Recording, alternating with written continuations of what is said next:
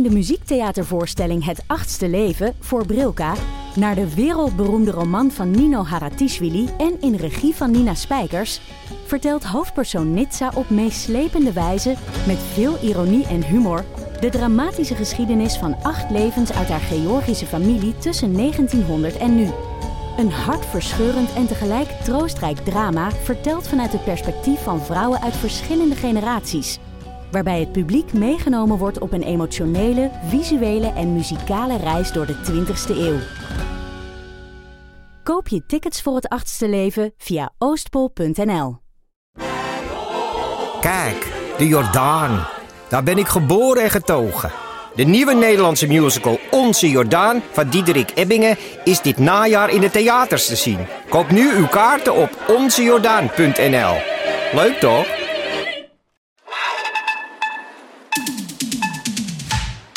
Welkom bij Schaamteloos Randstedelijk. De podcast over alles dat je wel bent, maar niet wil zijn. Mijn naam is Doortje Smithuizen, naast mij zit Perre van der Brink. En zoals iedere week houden wij onze luisteraar een spiegel voor... en onderzoeken we de paradoxale relaties met de systemen om ons heen. Ja, in ons drukke bestaan zijn we steeds meer waarde gaan hangen aan een goede dosis selfcare. Maar wat is selfcare eigenlijk? En is de goede gezonde ontwikkeling dat we hiermee bezig zijn? Of is selfcare eigenlijk gewoon een kapitalistische hoax die ons als een doekje tegen het bloeden wordt aangereikt? Goh, wat een interessante vraag, Perre, die laatste. Ik denk dat een zekere um, die zelf filosoof slash documentairemaker hier een uh, aandeel in heeft gehad in die laatste. Laten we maar even naar de actualiteiten eerst. Precies.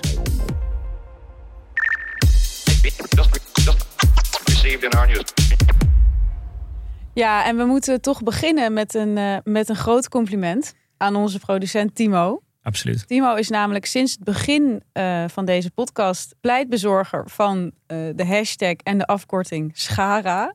Iets waar wij vanaf het begin ons, ons ongelooflijk tegen hebben verzet. Ja, en ontzettend aan ergen ook voor schamen. Ik schaam me heel erg voor die afkorting. Uh, ik absoluut ook. En ook in ieder draaiboek waar het dan stond, uh, gingen wij dan stiekem tussen aanhalingstekens het, eruit, het ja. toch weer in schaamteloos randstedelijk veranderen. Ik denk dat dit de eerste keer is dat wij het ook uit hebben gesproken. Ja. Überhaupt. Misschien Ja. wel, maar in elk geval in deze podcast. Hoe dan ook, we zijn niet de enige, want uh, inmiddels heeft de, de afkorting Schara officiële erkenning gekregen van Philip Freriks.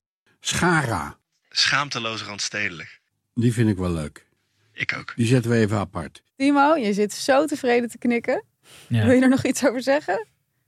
Nee, je hebt er niks over. Ik zeg volgende stap Dikke van Dalen.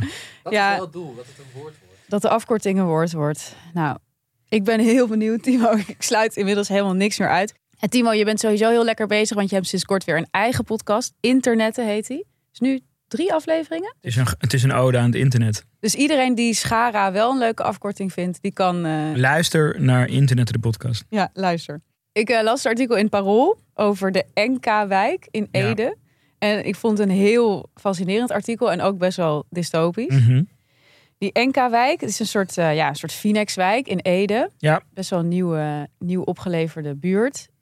Duizend huizen staan er. En een derde van die huizen wordt bewoond door mensen uit Amsterdam. Ja, dus die de stad ontvlucht zijn. Die zijn daar gaan wonen omdat ze daar meer ruimte konden krijgen. En eh, ja, een soort, een soort meer comfortabele leven. En ze zijn er blij.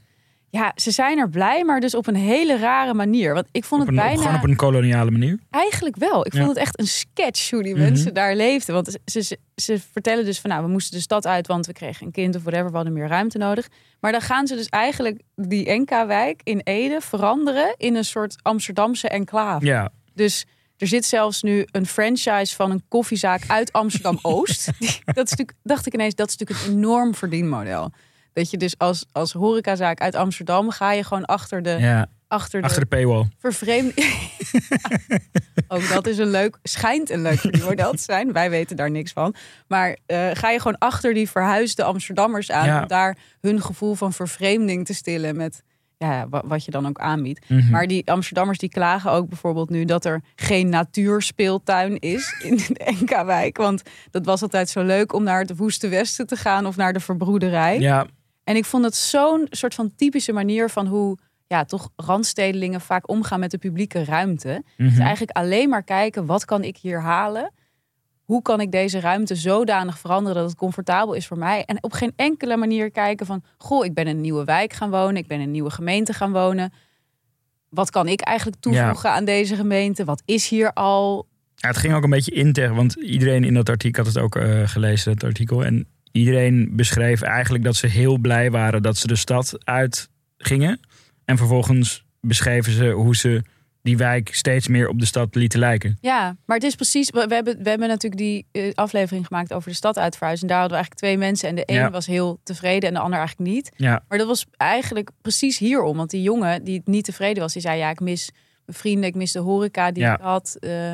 En eigenlijk hebben deze mensen het gewoon zo voor elkaar gekregen dat ze eigenlijk alles wat ze leuk vonden aan Amsterdam hebben ze gewoon meegenomen naar Ede. ik vraag me dan af of het mensen zijn die uit Ede slash omgeving kwamen. Of dat het gewoon echt soort gelukzoekers zijn.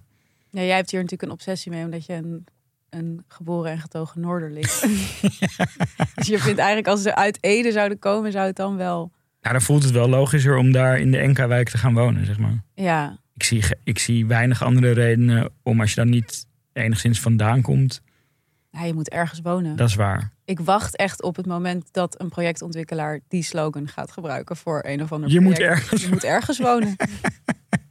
Mag iemand gewoon nemen van mij is vrij. Alsjeblieft. Echt een goeie. Ik las in The Guardian een eh, artikel. Dat gaat over Amerikaanse mensen die schijnbaar in toenemende aantallen Britse accenten aanmeten. En eh, dat, het, ja, het is gewoon heel fascinerend geduid ook. Die, die- dat artikel ze- noemt het de, de Gen Z-versie van Keep Calm and Carry On. Weet je, die, die, die, eh, Die meme? Of ja, die meme, ja, die, die in ook aan alle soorten Tegel merchandise, ja, ja. tegelwijsheid die, die, die gemonetized is. Wat ook helemaal niks betekent verder. Nee, Ja. precies. Ja, wat, wat, wat dat artikel stelt is dat eigenlijk eh, door, ehm, door entertainment. En dan nemen ze als voorbeeld Peppa Pig. Maar is Peppa Pig Brits? Ja. Oh, dat wist Ja, ik dat niet. is, dat is wel eh, behoorlijk Brits. Oh, die maar- spreekt Brits. Of, ja, dat is Oh. gewoon, gewoon ja, ja, de, Engelse versie eh, is, Mhm. heeft een Brits accent. En eh, dat onder invloed van onder andere Peppa Pig dus steeds meer jonge Amerikanen Britse accenten aannemen. Maar dat gaat echt organisch? Of kiezen mensen gewoon op een dag vanaf nu ga ik Brits praten? Ja, ze kiezen er echt op een, Ja, een Terranos-achtige manier. Ja, eh, kiezen ze ervoor. ja. En dan Ik moet wel eerlijk zeggen dat ja, ik, ik kan me dus wel ergens vinden in, ehm, zeg maar, accent anxiety. Ik heb, toen ik begon met podcast maken, ik vind dat ik best wel een bekakte stem heb. Ja, ja, ja. ja. En ik weet nog dat ik daar toen best wel bewust van werd. En dat ik toen ook ging proberen om minder bekakt te praten. Oh ja? Ja, en toen ging ik een Ja. soort van, ja, een soort van een beetje plat proberen te praten. Dat was Gewoon heel- Amsterdams. Ja. Ja? Ja, dat werd heel raar. Maar echt nu, nu zin om deze afleveringen te gaan luisteren. Nee, die heb ik allemaal. Die staan achter een paywall. Wil jij mij ook plat horen op Podimo? Klik dan op de link in onze show notes. maar ik vraag me dus af of dit, of dit ook gewoon aan de staat van Amerika ligt. Om even terug te op Oh, dat mensen een soort van existentieel, Dat het gewoon ja, escapisme is. Van, misschien wel onbewust, ja, dat mensen hopen dat je, ja. Net zoals dat je, ben jij ook altijd, als mensen dan denken dat je Zweeds bent of zo, dan ben je toch ook altijd heel blij. Ik ben altijd heel blij met alles wat niet Nederlands Zo raar, inderdaad. Ja. Dat, dat, dat is echt een soort ra- rare... Is dat, is dat, zou dat Nederlands zijn? Dat je de, de wens om niet Nederlands te zijn? Ik denk dat dat heel Nederlands is. Ja, hè? ja. denk ik ook. Heel veel over onze cultuur. Iets anders is dat Google en ook Reddit in de afgelopen twee jaar een enorme groei zien in zoektermen of in forumdiscussies. Die, die te maken hebben met waar je het in God's name over moet hebben met je collega's. Ja. Dus Google ziet een, echt een explosieve groei van de, de, de zoekterm what to talk about at work. En eh, op Reddit zijn er dus allerlei fora ontstaan die dus, dus hetzelfde onderwerp ehm, ja. uitdiepen. Maar ja, ik snap het wel. Ja, dus dit, dit is het, het, het, uiteindelijk het finale bewijs dat de pandemie ons eigenlijk awkward. Eh, Maar heeft daarvoor toch ook. Ik bedoel, ik, ik heb niet superveel bij bedrijven gewerkt, maar wel bij een krant. En daar was dat ook echt mijn dagelijkse ergernis. gemaakt. Gewoon hoe stomzinnig mensen met elkaar communiceren. Ja. Ja, ja. ja ik kon dan ook op een gegeven moment, maar goed, ik was toen ook, ik zat misschien ook een beetje in een existentiële tijd van mijn leven, maar dat Mhm. ik af en toe echt dacht, maar de wereld staat in de fik en we gaan allemaal dood. Hoe kunnen jullie de hele tijd over dit soort domme dingen praten? Ik denk dat dit is precies een van de eh, eh, dingen die ehm, Google ook als verklaring gebruikte. Mhm. Eh, namelijk dat, dat zij denken dat het te maken heeft met dat millennials en Gen X'ers bang zijn op de werkvloer om met Gen Z'ers te praten.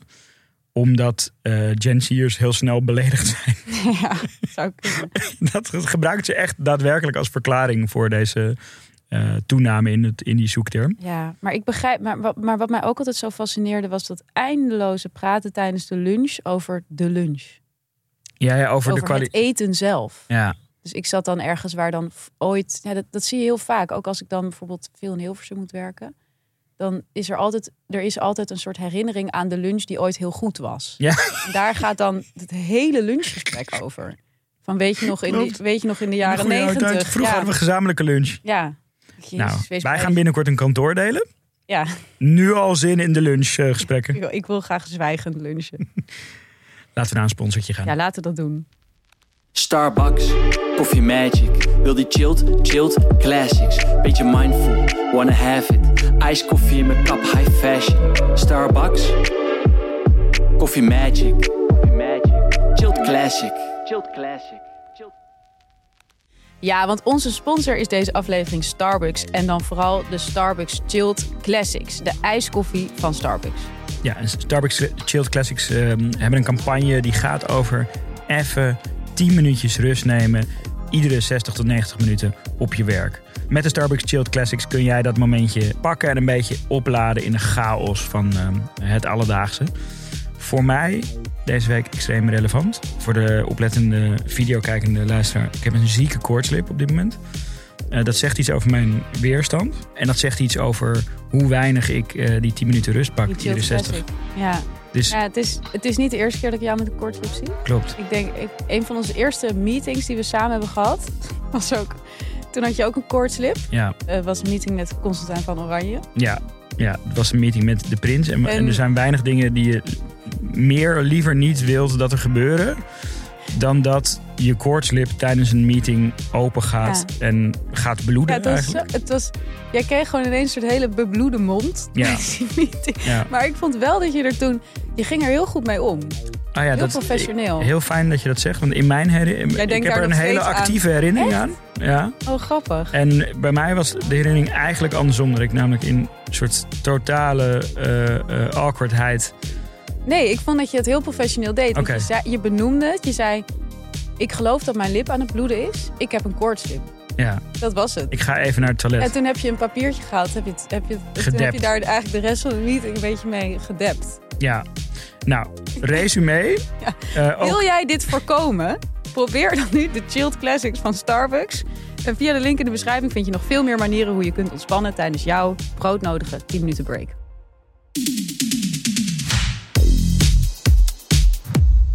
We gaan het hebben over selfcare. De industrie achter selfcare. Ja. En vooral ook jouw aversie tegen die industrie. Ja. Eerlijk, ik ben hier echt super benieuwd naar.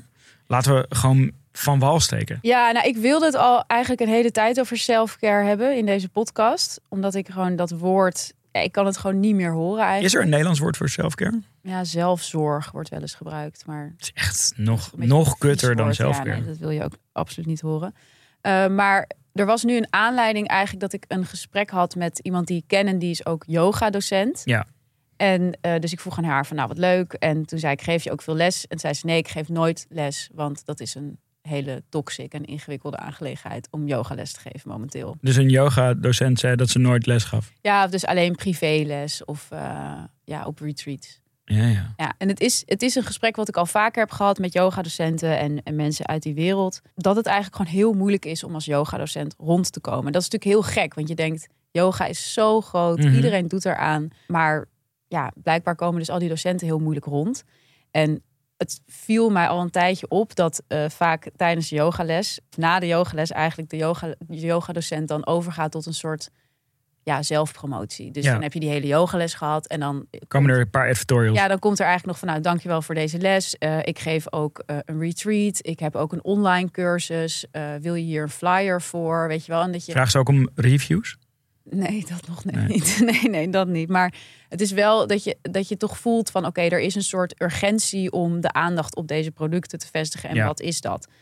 Nou, toen ben ik er even ingedoken samen met deze eh yogadocent... die Mhm. ook nog veel meer andere yogadocenten kent, gelukkig. En het ding is dat het systeem van yogalessen geven... is zoals wel veel andere sportlessen momenteel best wel pervers. Mhm. Je krijgt eigenlijk per leerling betaald, heel vaak. Gewoon klassiek staffelmodel. En doorgaans ook nog best wel weinig. Dus Ja. vaak krijgen ze voor zo'n les ongeveer 30 euro. Zeg maar, dat is vrij standaard bij een, Als totaal. ja, Holy fuck. ja, bij een wat grotere hogeschool. Maar moet je dus voor, voorstellen dat zo'n les is dan anderhalf uur of zo. Maar dan moet je ook nog die les voorbereiden en et cetera. Dus dat is, daar zit gewoon best wel En wat, wat is de waarde van die les dan, zeg maar? Zeg maar? Wat wordt er aan het platform afgerekend? Nou ja, het zijn natuurlijk, het, het zijn natuurlijk enerzijds platforms, anderzijds die yogascholen. Dus die docenten zijn natuurlijk afhankelijk van die scholen. Ja. En die scholen zijn vaak weer afhankelijk van die platforms. Dus het is een soort systeem op systeem geworden... waarin iedereen eigenlijk elkaar een beetje naar beneden drukt. Mhm. En ja, zonder de yogascholen kunnen die docenten natuurlijk eigenlijk geen les geven. Dan zou je jezelf ja, eigenlijk moeten gaan profileren als een soort yoga-influencer of zo. Wat natuurlijk ook kan. Maar dat is, ja... Om... Ja, je moet je je eigen publiek in ieder geval Ja, dan moet je helemaal je eigen publiek en dan ben je dus helemaal weer afhankelijk van dat systeem. Dus nou ja, en het ding is, kijk, kijk wa- wat zo ingewikkeld is aan, dat, aan die hele yoga-wereld en wat het zo ja, frappant maakt ook eigenlijk, is dat natuurlijk die, dat hele yoga-wereldje is natuurlijk gebaseerd op een soort boeddhistische filosofieën Mhm. van je hebt bepaalde waarden binnen die filosofieën die dus gaan over eh, dat het goed is om niet hebzuchtig te zijn, Ja. dat je aan anderen moet denken, dat je aan de community moet denken. En eigenlijk, en daar had ik het dus over met die, met die yogadocent, worden die filosofieën nu eigenlijk ingezet om te vergoelijken dat er eigenlijk binnen die yogawereld best wel wordt onderbetaald. Ja, ja, ja, Dus- dat er gratis werk wordt gedaan. Dat er gratis wer- of, of in elk geval voor veel te weinig geld wordt gewerkt. Dus dan, hè, daar zijn ook heel veel artikelen over geschreven in veel Amerikaanse van die yoga, grote yogascholen en grote yoga gurus. Dat mensen dus eigenlijk zeggen: Ja, ik vind dat ik te weinig betaald krijg. En dan zegt die baas van de yogaschool van ja, maar je doet dit toch voor de community en je doet dit toch out of love. En niet om geld mee te verdienen. Nou, in Amerika heeft dat dus ook geleid tot de eerste eh, yoga vakbond. Echt? Ja, ja, ja. Yoga staking. Ja, die bestaat al, maar dat, tot nu toe hebben ze volgens mij nog niet heel veel zoden aan het dijk gezet. Maar dit is wel het, de anekdote die daar ehm, aan ten grondslag ligt. Ja, En wat ook heel interessant is, en dat gebeurt ook in Nederland, is dat yogascholen heel vaak gebruik maken van wat ze karma-yogis noemen. ja. En dat zijn eigenlijk gewoon vrijwilligers. Dus eh, die worden ook gewoon, ehm, ja, daar staan ook gewoon vacatures voor online en zo. Het zijn gewoon mensen die niet betaald krijgen, maar die moeten wel echt heel erg veel doen. Kijk, ik ben op zich niet tegen vrijwilligerswerk. Mhm. Maar noem het dan gewoon vrijwilligerswerk Mhm. en niet karma yogi. En wat je dan bijvoorbeeld moet Krijg je dan wel gratis yogales? Nee, vaak moet je dan ook nog krijg je wel tegen een gereduceerd tarief. Of je mag bijvoorbeeld meedoen als de les niet vol zit en je toch al aanwezig bent, weet je wel. Jeetje. Dus het is niet ook dat je er super veel privileges voor terugkrijgt. En wat moet je dan doen? Wel gewoon, weet je wel, de play schoonmaken, de sociale media bijhouden, de deur open doen voor iedereen, iedereen aan, eh, aanmelden in de les. Weet je, het is, het is gewoon een baan. Ja. En het punt is natuurlijk die, dat soort ideologieën van teruggeven aan de community, eh, niet zelfzuchtig zijn, alles met elkaar de- delen.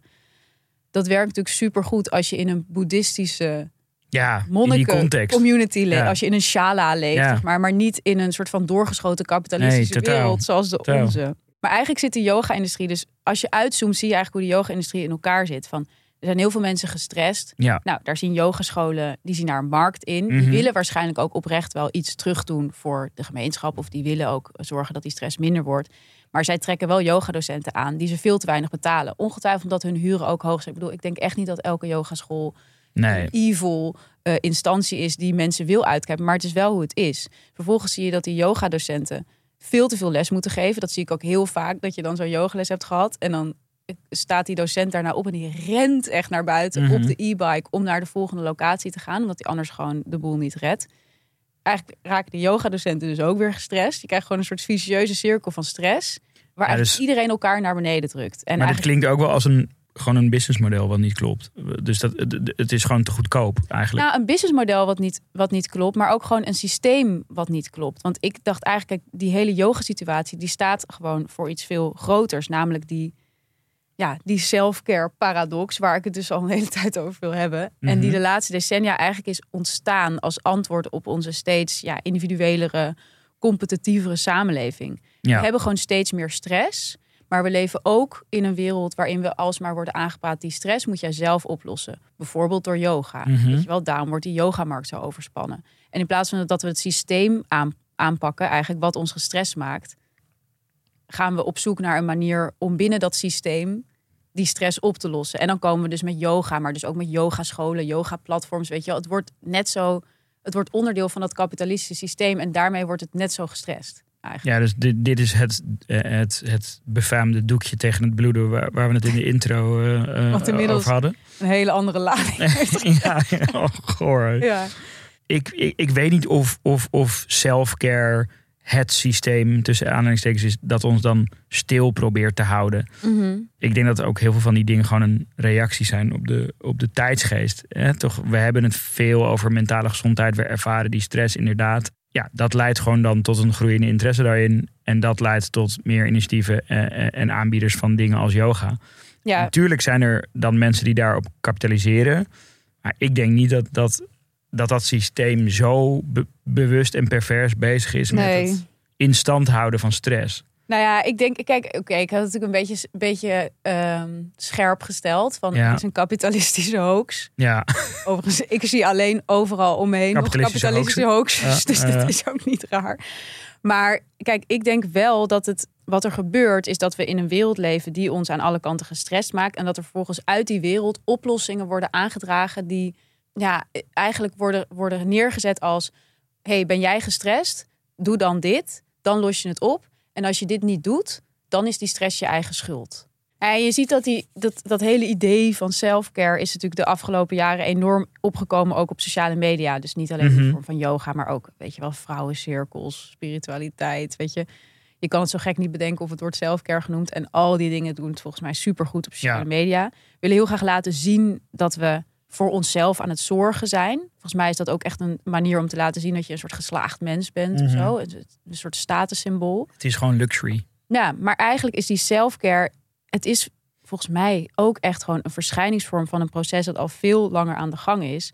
Namelijk, hè, enerzijds die steeds, steeds hogere stresscijfers en anderzijds de erosie van de verzorgingsstaat. En het idee dat zeker eh, in een ja, eh, liberaal land als het onze, vanuit de politiek steeds meer wordt opgedrongen dat mensen alles omtrent hun eigen welzijn vooral zelf moeten regelen. Je wordt heel erg ge- ge- gepresenteerd met dat idee van ja, die welvaartsstaat die we ooit hadden, die verzorgingsstaat, die was gewoon veel te duur. En dat, dat wil je ook niet, dat de staat de hele tijd voor je zorgt, zeg maar.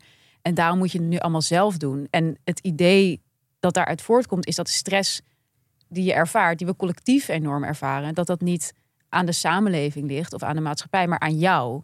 Jij kan het zelf oplossen. Cambridge heeft daar laatst ook onderzoek over gepubliceerd, dat eigenlijk dat hele idee van selfcare heel vaak wordt ingezet door beleidsmakers om eigenlijk Mhm. heel neoliberaal beleid te bepleiten. Ehm, ze laten echt zien dat dat, dat, dat woord steeds vaker eh, wordt ingezet in een politieke context. En dat is ja. natuurlijk gewoon om, ja, bijvoorbeeld, zij hebben het dan over dat, dat, eh, hè, dat eh, veel mensen veel ouder worden. Dat, dat, dat er nu al natuurlijk heel veel druk staat op die zorg. Dat mensen zich eh, ja, heel erg met de handen in het haar zitten van hoe gaan we in godsnaam die enorm vergrijzende populatie nog een beetje verzorgen. En dat ze nu Mhm. al dus in beleidsstukken heel erg hameren op selfcare, selfcare, selfcare. Dus eigenlijk niet, dus zeg maar inderdaad, jij moet zorgen dat je minder oud wordt. Of, of anders moet je misschien zorgen dat jouw omgeving voor Nou ja, zorgt. Ja, maar je, of jij moet zorgen, of jij moet, of jij moet, je, je, je kunt allerlei dingen doen Ja. om te zorgen dat je minder snel ziek wordt of Mhm. zo. Ja. En dat idee vind ik niet per se raar. Nee, dat is op zich niet heel raar, maar het is ook wel kwalijk dat een overheid meteen zo zijn handen ervan aftrekt. En meteen alles zo op die selfcare. En het, er zit ook iets in van ja, als dat niet lukt, dan heb je niet genoeg geselfcared of zo. Mm, Dat vind ik. En iets veroordelends. Ja, er zit iets veroordeeld in. En dat vind ik zo interessant ook aan die term. Is dat zoals zoveel termen die eh, door ja, neoliberale beleidsmakers worden gebruikt, is de oorsprong van selfcare eigenlijk eentje heel erg van countercultuur Ja. en van revolutie. Want ik vond dat heel interessant ook toen ik dat las. Dat, ik vond het echt- ook Ja. echt bizar. Dat is de Black Panthers hebben deze term geïntroduceerd in de jaren 70 en 80. Ik vond het echt een heerlijk feitje. Ja, nou ja, en dat waren, dat waren mensen die natuurlijk enorm streden voor gelijkheid, die Ja. opstonden tegen racisme, super activistisch waren. En, zij zij- zeiden van je moet, je moet fit zijn en je goed Nou ja, voelen. zij raden hun leden aan om dus... eh hè, zij werden natuurlijk van alle kanten tegengewerkt. eh, zowel fysiek als mentaal. Ja, Ehm, en zij raden hun leden aan om voor zichzelf te zorgen. Dus zij, zij introduceerden die term self-care om voor jezelf te zorgen in de vorm van yoga, meditatie, gezond eten, genoeg bewegen. En die self-care stond bij hen ook heel hoog in het vaandel, omdat eh, ja, in die tijd duidelijk werd dat de medische wereld nog veel te weinig aandacht had gehad voor mensen van kleur, voor zwarte mensen en hun specifieke gezondheidsproblemen. Dus zij zeiden ook van, ja, voer, voer die self-care uit, let meer op je eigen gezondheid, want daarin is gewoon nog een wereld te winnen. Ja dus, dat eh, dus je moet het gewoon zelf doen. Zo van, no one's gonna fix it for you. Het is voor ons niet gefixt. Ja. Ga het nu zelf doen, zodat we het later met z'n allen kunnen fixen en duidelijk kunnen maken waar nog. En ik denk dat dat ook misschien een beetje is wat er verloren is gegaan. Dus, dus eh, als, je, als, als Ja. dit de oorsprong is, daar zit gewoon in eh, ja, dat is toch ook een beetje zelfredzaamheid wel. Eh, maar op een vette manier. En nu is het zo gecommoditized allemaal. Dus Ja. het, er is overal een app voor dat je het eigenlijk bijna passief ondergaat, toch? Van, Ja. ik, ik, toen ik de Headspace gebruikte, dus Ja. drie wanstaltige pogingen gedaan om dat te doen. ja. Toen dacht ik ook van, ja, dit is echt zo niet wat mediteren is. of Nee. zo, weet je? Dit met een Eh, mobiel in je hand proberen een beetje uit te tunen. Ja, en het ook allemaal, ik vond het ook letterlijk de verantwoordelijkheid van die gozer, die stem. Ja, Dus Van ja, oké, hij heeft een relaxed stem, maar hij krijgt me er niet in. ik vind het dus wel echt, als ik nog één keer die term mag gebruiken, een doekje voor het bloeden. Gewoon binnen een systeem dat mensen sowieso humanitair gezien behoorlijk erodeert, dat gewoon heel veel stress oplevert. Dat selfcare idee, dat verschaft ons gewoon een kortstondig gevoel van controle in een wereld die eigenlijk steeds ja, oncontroleerbaarder wordt. En waarin je gewoon een heel klein radartje bent in een veel groter geheel. Maar door dat self-care idee heb je toch het idee dat je ja, even iets doet wat alleen voor jezelf is of zo. Ja, En wat jou beter maakt. ja. Want ook bijvoorbeeld wat jij net zei over dat. Het, het is natuurlijk ook goed als mensen bijvoorbeeld als ze ouder worden meer bewegen. En zich bewust zijn van dat dat invloed heeft op je gezondheid. Mhm. Maar tegelijkertijd vind ik het wel. Vind ik het ook gewoon van de overheid ergens je heel makkelijk afmaken om daar zo op in te zetten. Als je bijvoorbeeld alleen al in Nederland kijkt, heeft bijna 14% van de volwassenen ernstig overgewicht. Mhm. Weet je? En dan vind ik het zo typisch dat we eigenlijk een overheid hebben die heel vaak tegen dat soort mensen zegt van weet je wat jij moet doen? Jij moet lekker een stappenteller kopen. Terwijl aan de andere kant, nou daar hebben we eerder een aflevering over gemaakt, die mensen helemaal volgestouwd worden met rommel. Ja, ja de- maar, de, de- Het, zit, het, zit, het zit zo scheef, weet je wel, als het gaat om die zelfredzaamheid. Want eh, als het maar gaat voor mij is het dan... om de negatieve kant, dus het, het, het consumeren van, van slechte spullen, dan is het van eh, ja, dat, eh, dat moet gewoon allemaal kunnen. En als, en als dan iemand dan aan de bel trekt van hey, hallo, ik ben nu obese en ik vind dat eigenlijk best wel relaxed, dan is het van ja, dat moet je zelf oplossen. Mhm. Ja, voor mijn gevoel is het dan minder binair in de zin van... Ik ben... Ik vind dat de overheid heel erg hard moet ingrijpen in dat eerste stuk. Ja, Dus- je dus- mag wel worden, worden beïnvloed om de hele tijd slechte gezondheidskeuzes Ja. te maken. Maar als je dan iets goeds aan je gezondheid wil Ja. doen, dan krijg je hoogstens een Fitbit. Ja, nee, maar, de- maar, maar die twee dingen beschouw ik dan beide als preventieve maatregelen. Dus tegen de supermarkt, eh, Ja, gewoon restricties aan de supermarkt opleggen. In hoeverre ze je kunnen volstoppen met, met slechte Mm. dingen. Is hetzelfde als zeggen van, hey, eh, denk aan je mentale gezondheid. Eh, beweeg genoeg of zo, weet je. Dus voor mij zijn die, dat zijn dan soort van gelijke, Gelijke spelers of zo. ja, of gelijke, gelijk beleid. eh. Ja, maar goed, dan zou dat andere beleid er wel moeten zijn. Dat is er ook niet. Dus Nee, nee, nee, nee, precies, precies. Dus, dus daar, ben ik het, daar, ben, daar ben ik helemaal voor. ja, Maar ik ben dus niet tegen dat de overheid op zo'n moment zegt van... Ja, er zit... uit. Ja, je, je hebt ook wel zelf een verantwoordelijkheid, weet je? Van, Ja, ik vind dat, ik vind dat gewoon te, te, te veel ook iedereen zien als, als een zelfredzaam individu. Ik denk gewoon dat dat voor heel veel mensen veel lastiger is. En dat, dat het makkelijk is om daar als overheid van uit te gaan. En goedkoop trouwens. ja, goedkoop is het zeker. Nou, je hebt zo'n boek, het, het- ik vind dat interessant. Je hebt zo'n boek van William Davis, The Happiness Industry. Mhm. Eh, en daarin legt hij eigenlijk ook uit hoe dat gaat iets meer ook over gelukkig zijn. Ja, En hoe dat hele idee van gelukkig zijn eigenlijk een soort van is uitgevonden door het kapitalisme. Ja, ja, ja. Heel weird. Maar volgens mij wel echt. Gelukkig zijn als, als, als soort self-employing. Ja, als soort van. ehm, ja, het gaat goed met me of zo. Dat idee. Want eigenlijk is het een soort mandaat dat erop gericht is om mensen binnen eigenlijk het systeem waar we in zitten aan het werk te houden. Dat is zijn punt. Eh, en hij, hij legt dat dan helemaal uit dat in de jaren tachtig van de vorige eeuw. Mhm. Toen werd stress eigenlijk voor het eerst echt een groot probleem. Ja, Toen werd het hoofdoorzaak nummer één eh, onder werknemers om eh, zich ziek te melden. Wat Ja. volgens mij nog steeds. Nog steeds, ja. Ja.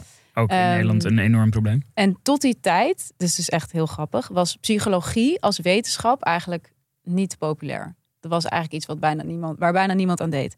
Maar in die tijd werd het dus wel populair, omdat ze ineens aan dus die werkgevers konden gaan beloven van hey, jullie ons, Productiviteit gaat omhoog. ja, wij kunnen onderzoek doen voor jullie naar die zieke werknemers. Ehm, dus er werden eigenlijk allerlei systemen bedacht vanuit die psychologie, die dus gesubsidieerd waren door eh, ja, die bedrijven, eh, om werknemers dus weer gelukkig te maken. En gewoon allemaal gelukkig, branded content. gelukkig betekende dus productief, eigenlijk. Ja, Dat is wat we nu zien als gelukkig. En ja. hij, dus die Davies, die legt eigenlijk uit hoe de opkomst van de selfcare en de geluksindustrie, de wellnessindustrie, eigenlijk samenhangt met de opkomst van het neoliberaal kapitalisme, wat natuurlijk heel erg draait om zelfredzaamheid en, en, en je eigen leven vooral eh, voorop stellen. En hij zegt, ja, het is eigenlijk een systeem wat mensen ongelukkig maakt, want het is super competitief, het is alleen maar gericht op groei, het is alleen maar gericht op winst. Maar dat wordt in stand gehouden door die, dus die counterculture, die dus op touw is gezet vanuit ja, dat psychologische onderzoek. Mhm. Waardoor werkgevers eigenlijk die werkomstandigheden niet hoeven te verbeteren. Er is een soort welzijnsmeter ont, ja, bedacht voor de werknemers. Maar die is dus eigenlijk bedacht door de werkgever. ja. En zolang ze Het daar gaat over het causale Ja. verband tussen geluk en productiviteit. zolang ze, precies. En Ja. zolang ze daaraan voldoen, is het soort van. Ja, ik moet zeggen, als, ik, als ik hier naar luister, dan, dan Ja, hoe voel je je? dan? ja, ik voel me gewoon best wel genaaid. Eh? Want ik ervaar ook zelf dat, dat verband tussen. Ik heb ook zelf het idee dat ik als, ik, als ik me chill voel en gelukkig voel, dat ik veel productiever ben. En dat ervaar ik als iets heel positiefs. Ja. Dus Terwijl ik, ik, ben denk, overtuigd, ook- selfcare is een fucking hoax. Fijn. Nou, fijn dat ik je overtuigde. Want ik denk dus ook altijd aan die yogalessen op de Zuidas. Weet je wel? Daar heb ik ook wel eens een verhaal over gemaakt. Mhm. Dat vond ik toen zo grappig. Dat je dan bij Loyens en Louvre en bij Deloitte en Ja. eh, al, die, al die grote kantoren. Die hebben dan allemaal om zes of zeven uur, ook best wel, nog best wel laat eigenlijk, Mhm. hebben ze dan zo'n yogales. Ja, en de lunchpauze daar. ik weet ook dat het, eh, ja precies, Eh, dat eh die yogadocenten daar ook heel veel, daar kan je dus heel veel verdienen. Ja, tuurlijk. En dat vond ik altijd zo'n bizar beeld. Dat dan al die doorgesjezen Ja. lui, die gaan er dan een uur zo even heel, heel manisch eigenlijk Ja. mediteren. En dan daarna kunnen ze nog weer zes uur door tot elf uur. Weet je, wat, ja, ja, wat is dan, wat is daar dan mee gewonnen? Ja, Nou ja, goed. En die Davies die legt dus in zijn boek heel duidelijk de link tussen dat neoliberalisme als gedachtegoed en economische model en de opkomst van depressie. Dus volgens hem komt depressie heel erg vaak voor in ongelijke en competitieve samenlevingen. Eh, statusangst, dat maakt mensen heel snel ongelukkig. En Ja. eigenlijk zegt hij van ja, die opkomst van depressie zie je eigenlijk helemaal gelijk lopen met die opkomst van de geluksindustrie, die wellnessindustrie, selfcare-industrie, hoe je het wil noemen. En dat is, zegt hij, en Een ik ben het daar dus zeker voor een deel ook wel mee eens, is gewoon het exploiteren van ontstaande gevoelens van ongeluk door dat systeem wat gewoon heel erg rendabel is. ja. Zullen we maar even naar de sponsor? Let's do it. Voel me zo free, met Arle Lacto Free. Zonder lactose, dus je weet ik geniet. Arle, Arle Lacto Free. Arle, Arle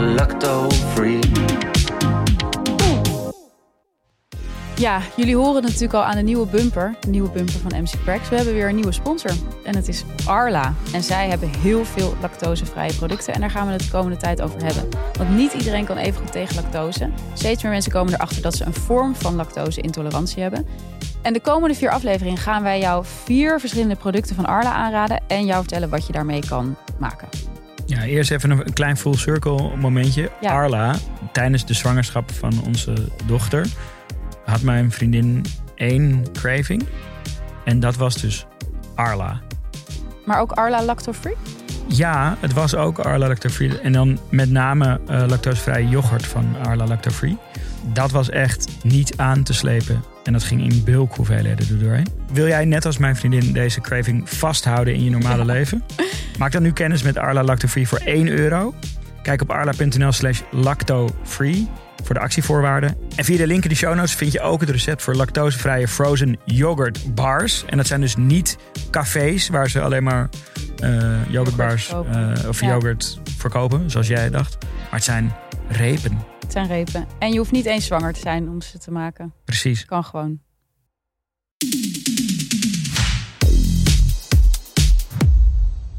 We hebben nu al heel veel dingen over selfcare gezegd. Maar eigenlijk mijn voornaamste probleem met selfcare Mhm. ben ik eigenlijk nog niet aan toegekomen. En dat is namelijk dat ik het idee heb dat dat hele, ja, dat hele fenomeen selfcare ons veel te veel opsluit in onszelf. Mhm. Het ontslaat je eigenlijk van zorgen voor anderen. Ja. En het moedigt je aan om vooral bezig te zijn met je Met eigen jezelf. welzijn. En dat zie je ook om je heen. Je had daar ook een grappige meme over trouwens. Maar dat je dus... Alles is self-care. Ja. Weet je, dus ook afspraken afzeggen is self-care. En op zich ben ik daar heel erg voor. Maar het, het creëert ook een situatie waarin je dus niet meer naar je zieke oma gaat. Want Ja. self-care. Ik had daar dus inderdaad de ultieme meme. Dat was een meme eh, van een paar jaar geleden. Eh, en dat is een, een, een echt eh, tekstbericht wat iemand ontvangen had van een vriend of vriendin. Waarin staat van I'm so glad you reached out. I'm actually at capacity slash helping someone else who's in crisis. I'm dealing with some personal stuff right now and I don't think I can hold appropriate space for you. Ja, En die, en dat die- is dan ook self-care. ja, en dat we, zeg maar onder het mom van het is goed om je grenzen aan te geven, werd dit eh, appje naar iemand gestuurd. Ik moest daar echt van kotsen. Ik dacht echt, Nou ja, flikker op. En dat is wat er gebeurt als zo'n term zo, die ooit wel veel waarde had en ooit veel betekenis had, zo wordt geïncorporeerd door een groter systeem, waar, wat het eigenlijk uitholt. Want nu kan je selfcare is een soort wellness label geworden, wat je eigenlijk op alles kan plakken. Of het nou consumptie is of eh, ja, je, je vrijwilligerswerk afzeggen, zeg maar. ja, En ja, het is natuurlijk de vraag hoe, hoe, hoe we daar weer hoe we daar uitkomen. je kan het dus selfcare als smoes, dus eigenlijk. Ja. Voor, is als smoes voor alles, waar je geen zin in hebt. Totaal. Maar het is natuurlijk de vraag van hoe, hoe, hoe komen we daar dan uit? En ik, ik ben dan natuurlijk ook weer bezig met die yoga-industrie. Mhm. Kijk, ik denk, waarom, waarom, zou, waarom zouden we niet bijvoorbeeld kunnen nadenken over een meer coöperatieve manier van selfcare? Dus dat je bijvoorbeeld naar die yoga-studio's, dat je dat meer vanuit een soort ledenbestand gaat opbouwen. En dat je bijvoorbeeld met z'n allen een yoga-ruimte huurt en Mhm. daar naar de yogaleraar gaat. In plaats van dat je jezelf en de docent afhankelijk maakt van zo'n platform Ja, omdat ik ook denk van moeten we niet in plaats van alleen maar self-care gewoon nadenken over care. mhm. Dus wat voor wereld willen we inleven? Hoe willen we care. Ja, hoe we care. Maar snap je dat je dat je eh, net zoals waar we het eerder over hadden, ook als het gaat om van die B Corp bedrijven of zo, Ja. dat het dus niet alleen gaat om de producten die je aanbiedt, maar ook op de manier waarop ze tot stand komen. En Ja. ik denk als we self-care nou iets meer gaan zien als care om de hele situatie, zeg maar, waar je zelf Mhm. onderdeel van bent, hoe ga je dan je keuzes maken? Het enige probleem met zo, zo lof dit idee natuurlijk. Dank je. wel. Ik voorzie een probleem in de uitvoering. Ik ook. Ik voorzie veel logistiek uit. In Ja, dit omdat- omdat model. Het, de reden dat die platformen er zijn is omdat die het is ik wil ze niet generaliseren, Ja. maar de meeste van die yoga-leraren, die zijn niet per se ondernemend en gaan niet per se een ruimte huren. Ja. En eigenlijk alle soort achterkant to-do's die daarmee te maken hebben, willen ze helemaal niet of kunnen ze niet op zich nemen. Ja, en het is gewoon extreem veel eisend. Ik bedoel, het is natuurlijk veel comfortabeler om je bij een yogeschool aan te Ja. sluiten. Zoals het voor heel veel dingen comfortabeler is om je bij iets groters aan te sluiten. Dus dan zou er een soort coöperatieve one-fit nou ja, maar het heeft komen. gewoon ook te maken met hoe we er zelf in staan, hoe we erover nadenken. En ik denk dat dat dus uiteindelijk is wat je ziet als zo'n self-care als idee zo populair wordt. He- Het ontslaat je ook gewoon van dat soort gedachten eigenlijk. Ja, dus dan, maar dat, dat, dus dan zou er een soort coöperatieve. One-fit moeten komen. Dus er moet een soort stroming in tech komen. Ja, wat de coöperatie als uitgangspunt heeft. Dus wat wel zeg maar de producten biedt die bij deze tijd passen. Dus Maar wel met, met de een- gemakken eh, die we gewoon willen Ja. van- van- als consument. Maar met een coöperatieve ja en insteek. met eerlijke prijzen ook. Ja. Wat ook weer ingewikkeld is, omdat je dan, dan wordt het weer nog duurder. Maar goed, ik dacht ook nog, want hè, we proberen meer in oplossingen te denken. Dat ik ook dacht, is er niet ook een model mogelijk dat je bijvoorbeeld als je een yogales koopt, koop je ook een yogales voor iemand anders die het Mhm. bijvoorbeeld niet kan betalen. Ja. Dat je een platform creëert waarin mensen. En net zoals de gemeente Amsterdam heeft dat op een gegeven moment gedaan, dat gewoon iedereen aanspraak kon maken op gratis OV. Ja. En daar werd toen best wel veel kritiek op geleverd van ja, dan gaan allemaal mensen die het eh, misschien wel kunnen betalen gratis OV aanvragen. Maar het- ik was gisteren toevallig bij een eh, evenement waar Femke Halsema daar ook over sprak. Toen zei ze, en daar ben ik het heel erg mee eens, we hebben liever freeriders dan dat mensen niet met het OV Ja. kunnen. Ja. En volgens mij is dat een mentaliteit die heel, die heel goed is en die werkbaar zou zijn. Dat je gewoon het idee hebt, blijkbaar kunnen we met z'n allen genoeg geld uitgeven aan dat OV, dat we ervoor kunnen zorgen dat mensen gratis kunnen Ja. gaan. En misschien Ja. zouden we zoiets ook met meer consumptieachtige producten en dus ook met zo'n zelf eh, dat je elkaar een beetje het licht in de ogen gunt. gunt. Ja. ja. Ja. Maar ja, op, op zich, als je, als je zo'n tech-oplossing, wat een coöperatie is, dan hoeft het product niet per se duurder te worden. Want dan gaat die cut die die platformen nemen natuurlijk gewoon Weg. eruit. Ja. Of die gaat in ieder geval naar een soort minimaal niveau. Mhm. Dus we moeten gewoon uitgewrongen tech-ondernemers hebben die iets terug willen doen. Ja. Ik weet Eh. waar wij heen moeten perren. Weet je waar wij heen moeten? Naar. Esalen. Juist, Het daar moeten we gaan scouten. retreat in California, waar al die uitgespezen Silicon Valley gasten zitten. Ja, en die, die, gaan we, die zitten eigenlijk onder in de funnel om geconverteerd te worden naar ons Ja. coöperatieve tech-platform. Maar nee, eh, ja, alle gekheid op een stokje. Eigenlijk Ja, zou dit best wel best wel een, een een, een, een goed idee zijn. Ik heb Ehm, zin om dit te gaan doen. Ja, dus er moet, er moet een stroming in tech komen. Die, want je wil wel, je wil, je wil dat fijne Ja, product. maar het is in tech, maar het is ook juist natuurlijk in de, echte wereld, zeg maar. Dat is waar uiteindelijk de... De echte wereld zou een wereld moeten zijn waar tech in dienst staat van, Van- de mens. Ja, en van de echte wereld. En Ja. van zorgen voor anderen. Ja, en, voor jezelf. en niet in ja. dienst van, het, van, het, ja, van, van, het, van de winst van het platform. Ja. Nou, op naar Esalen. Ja, let's go. Oké, tot volgende week. Tot volgende week.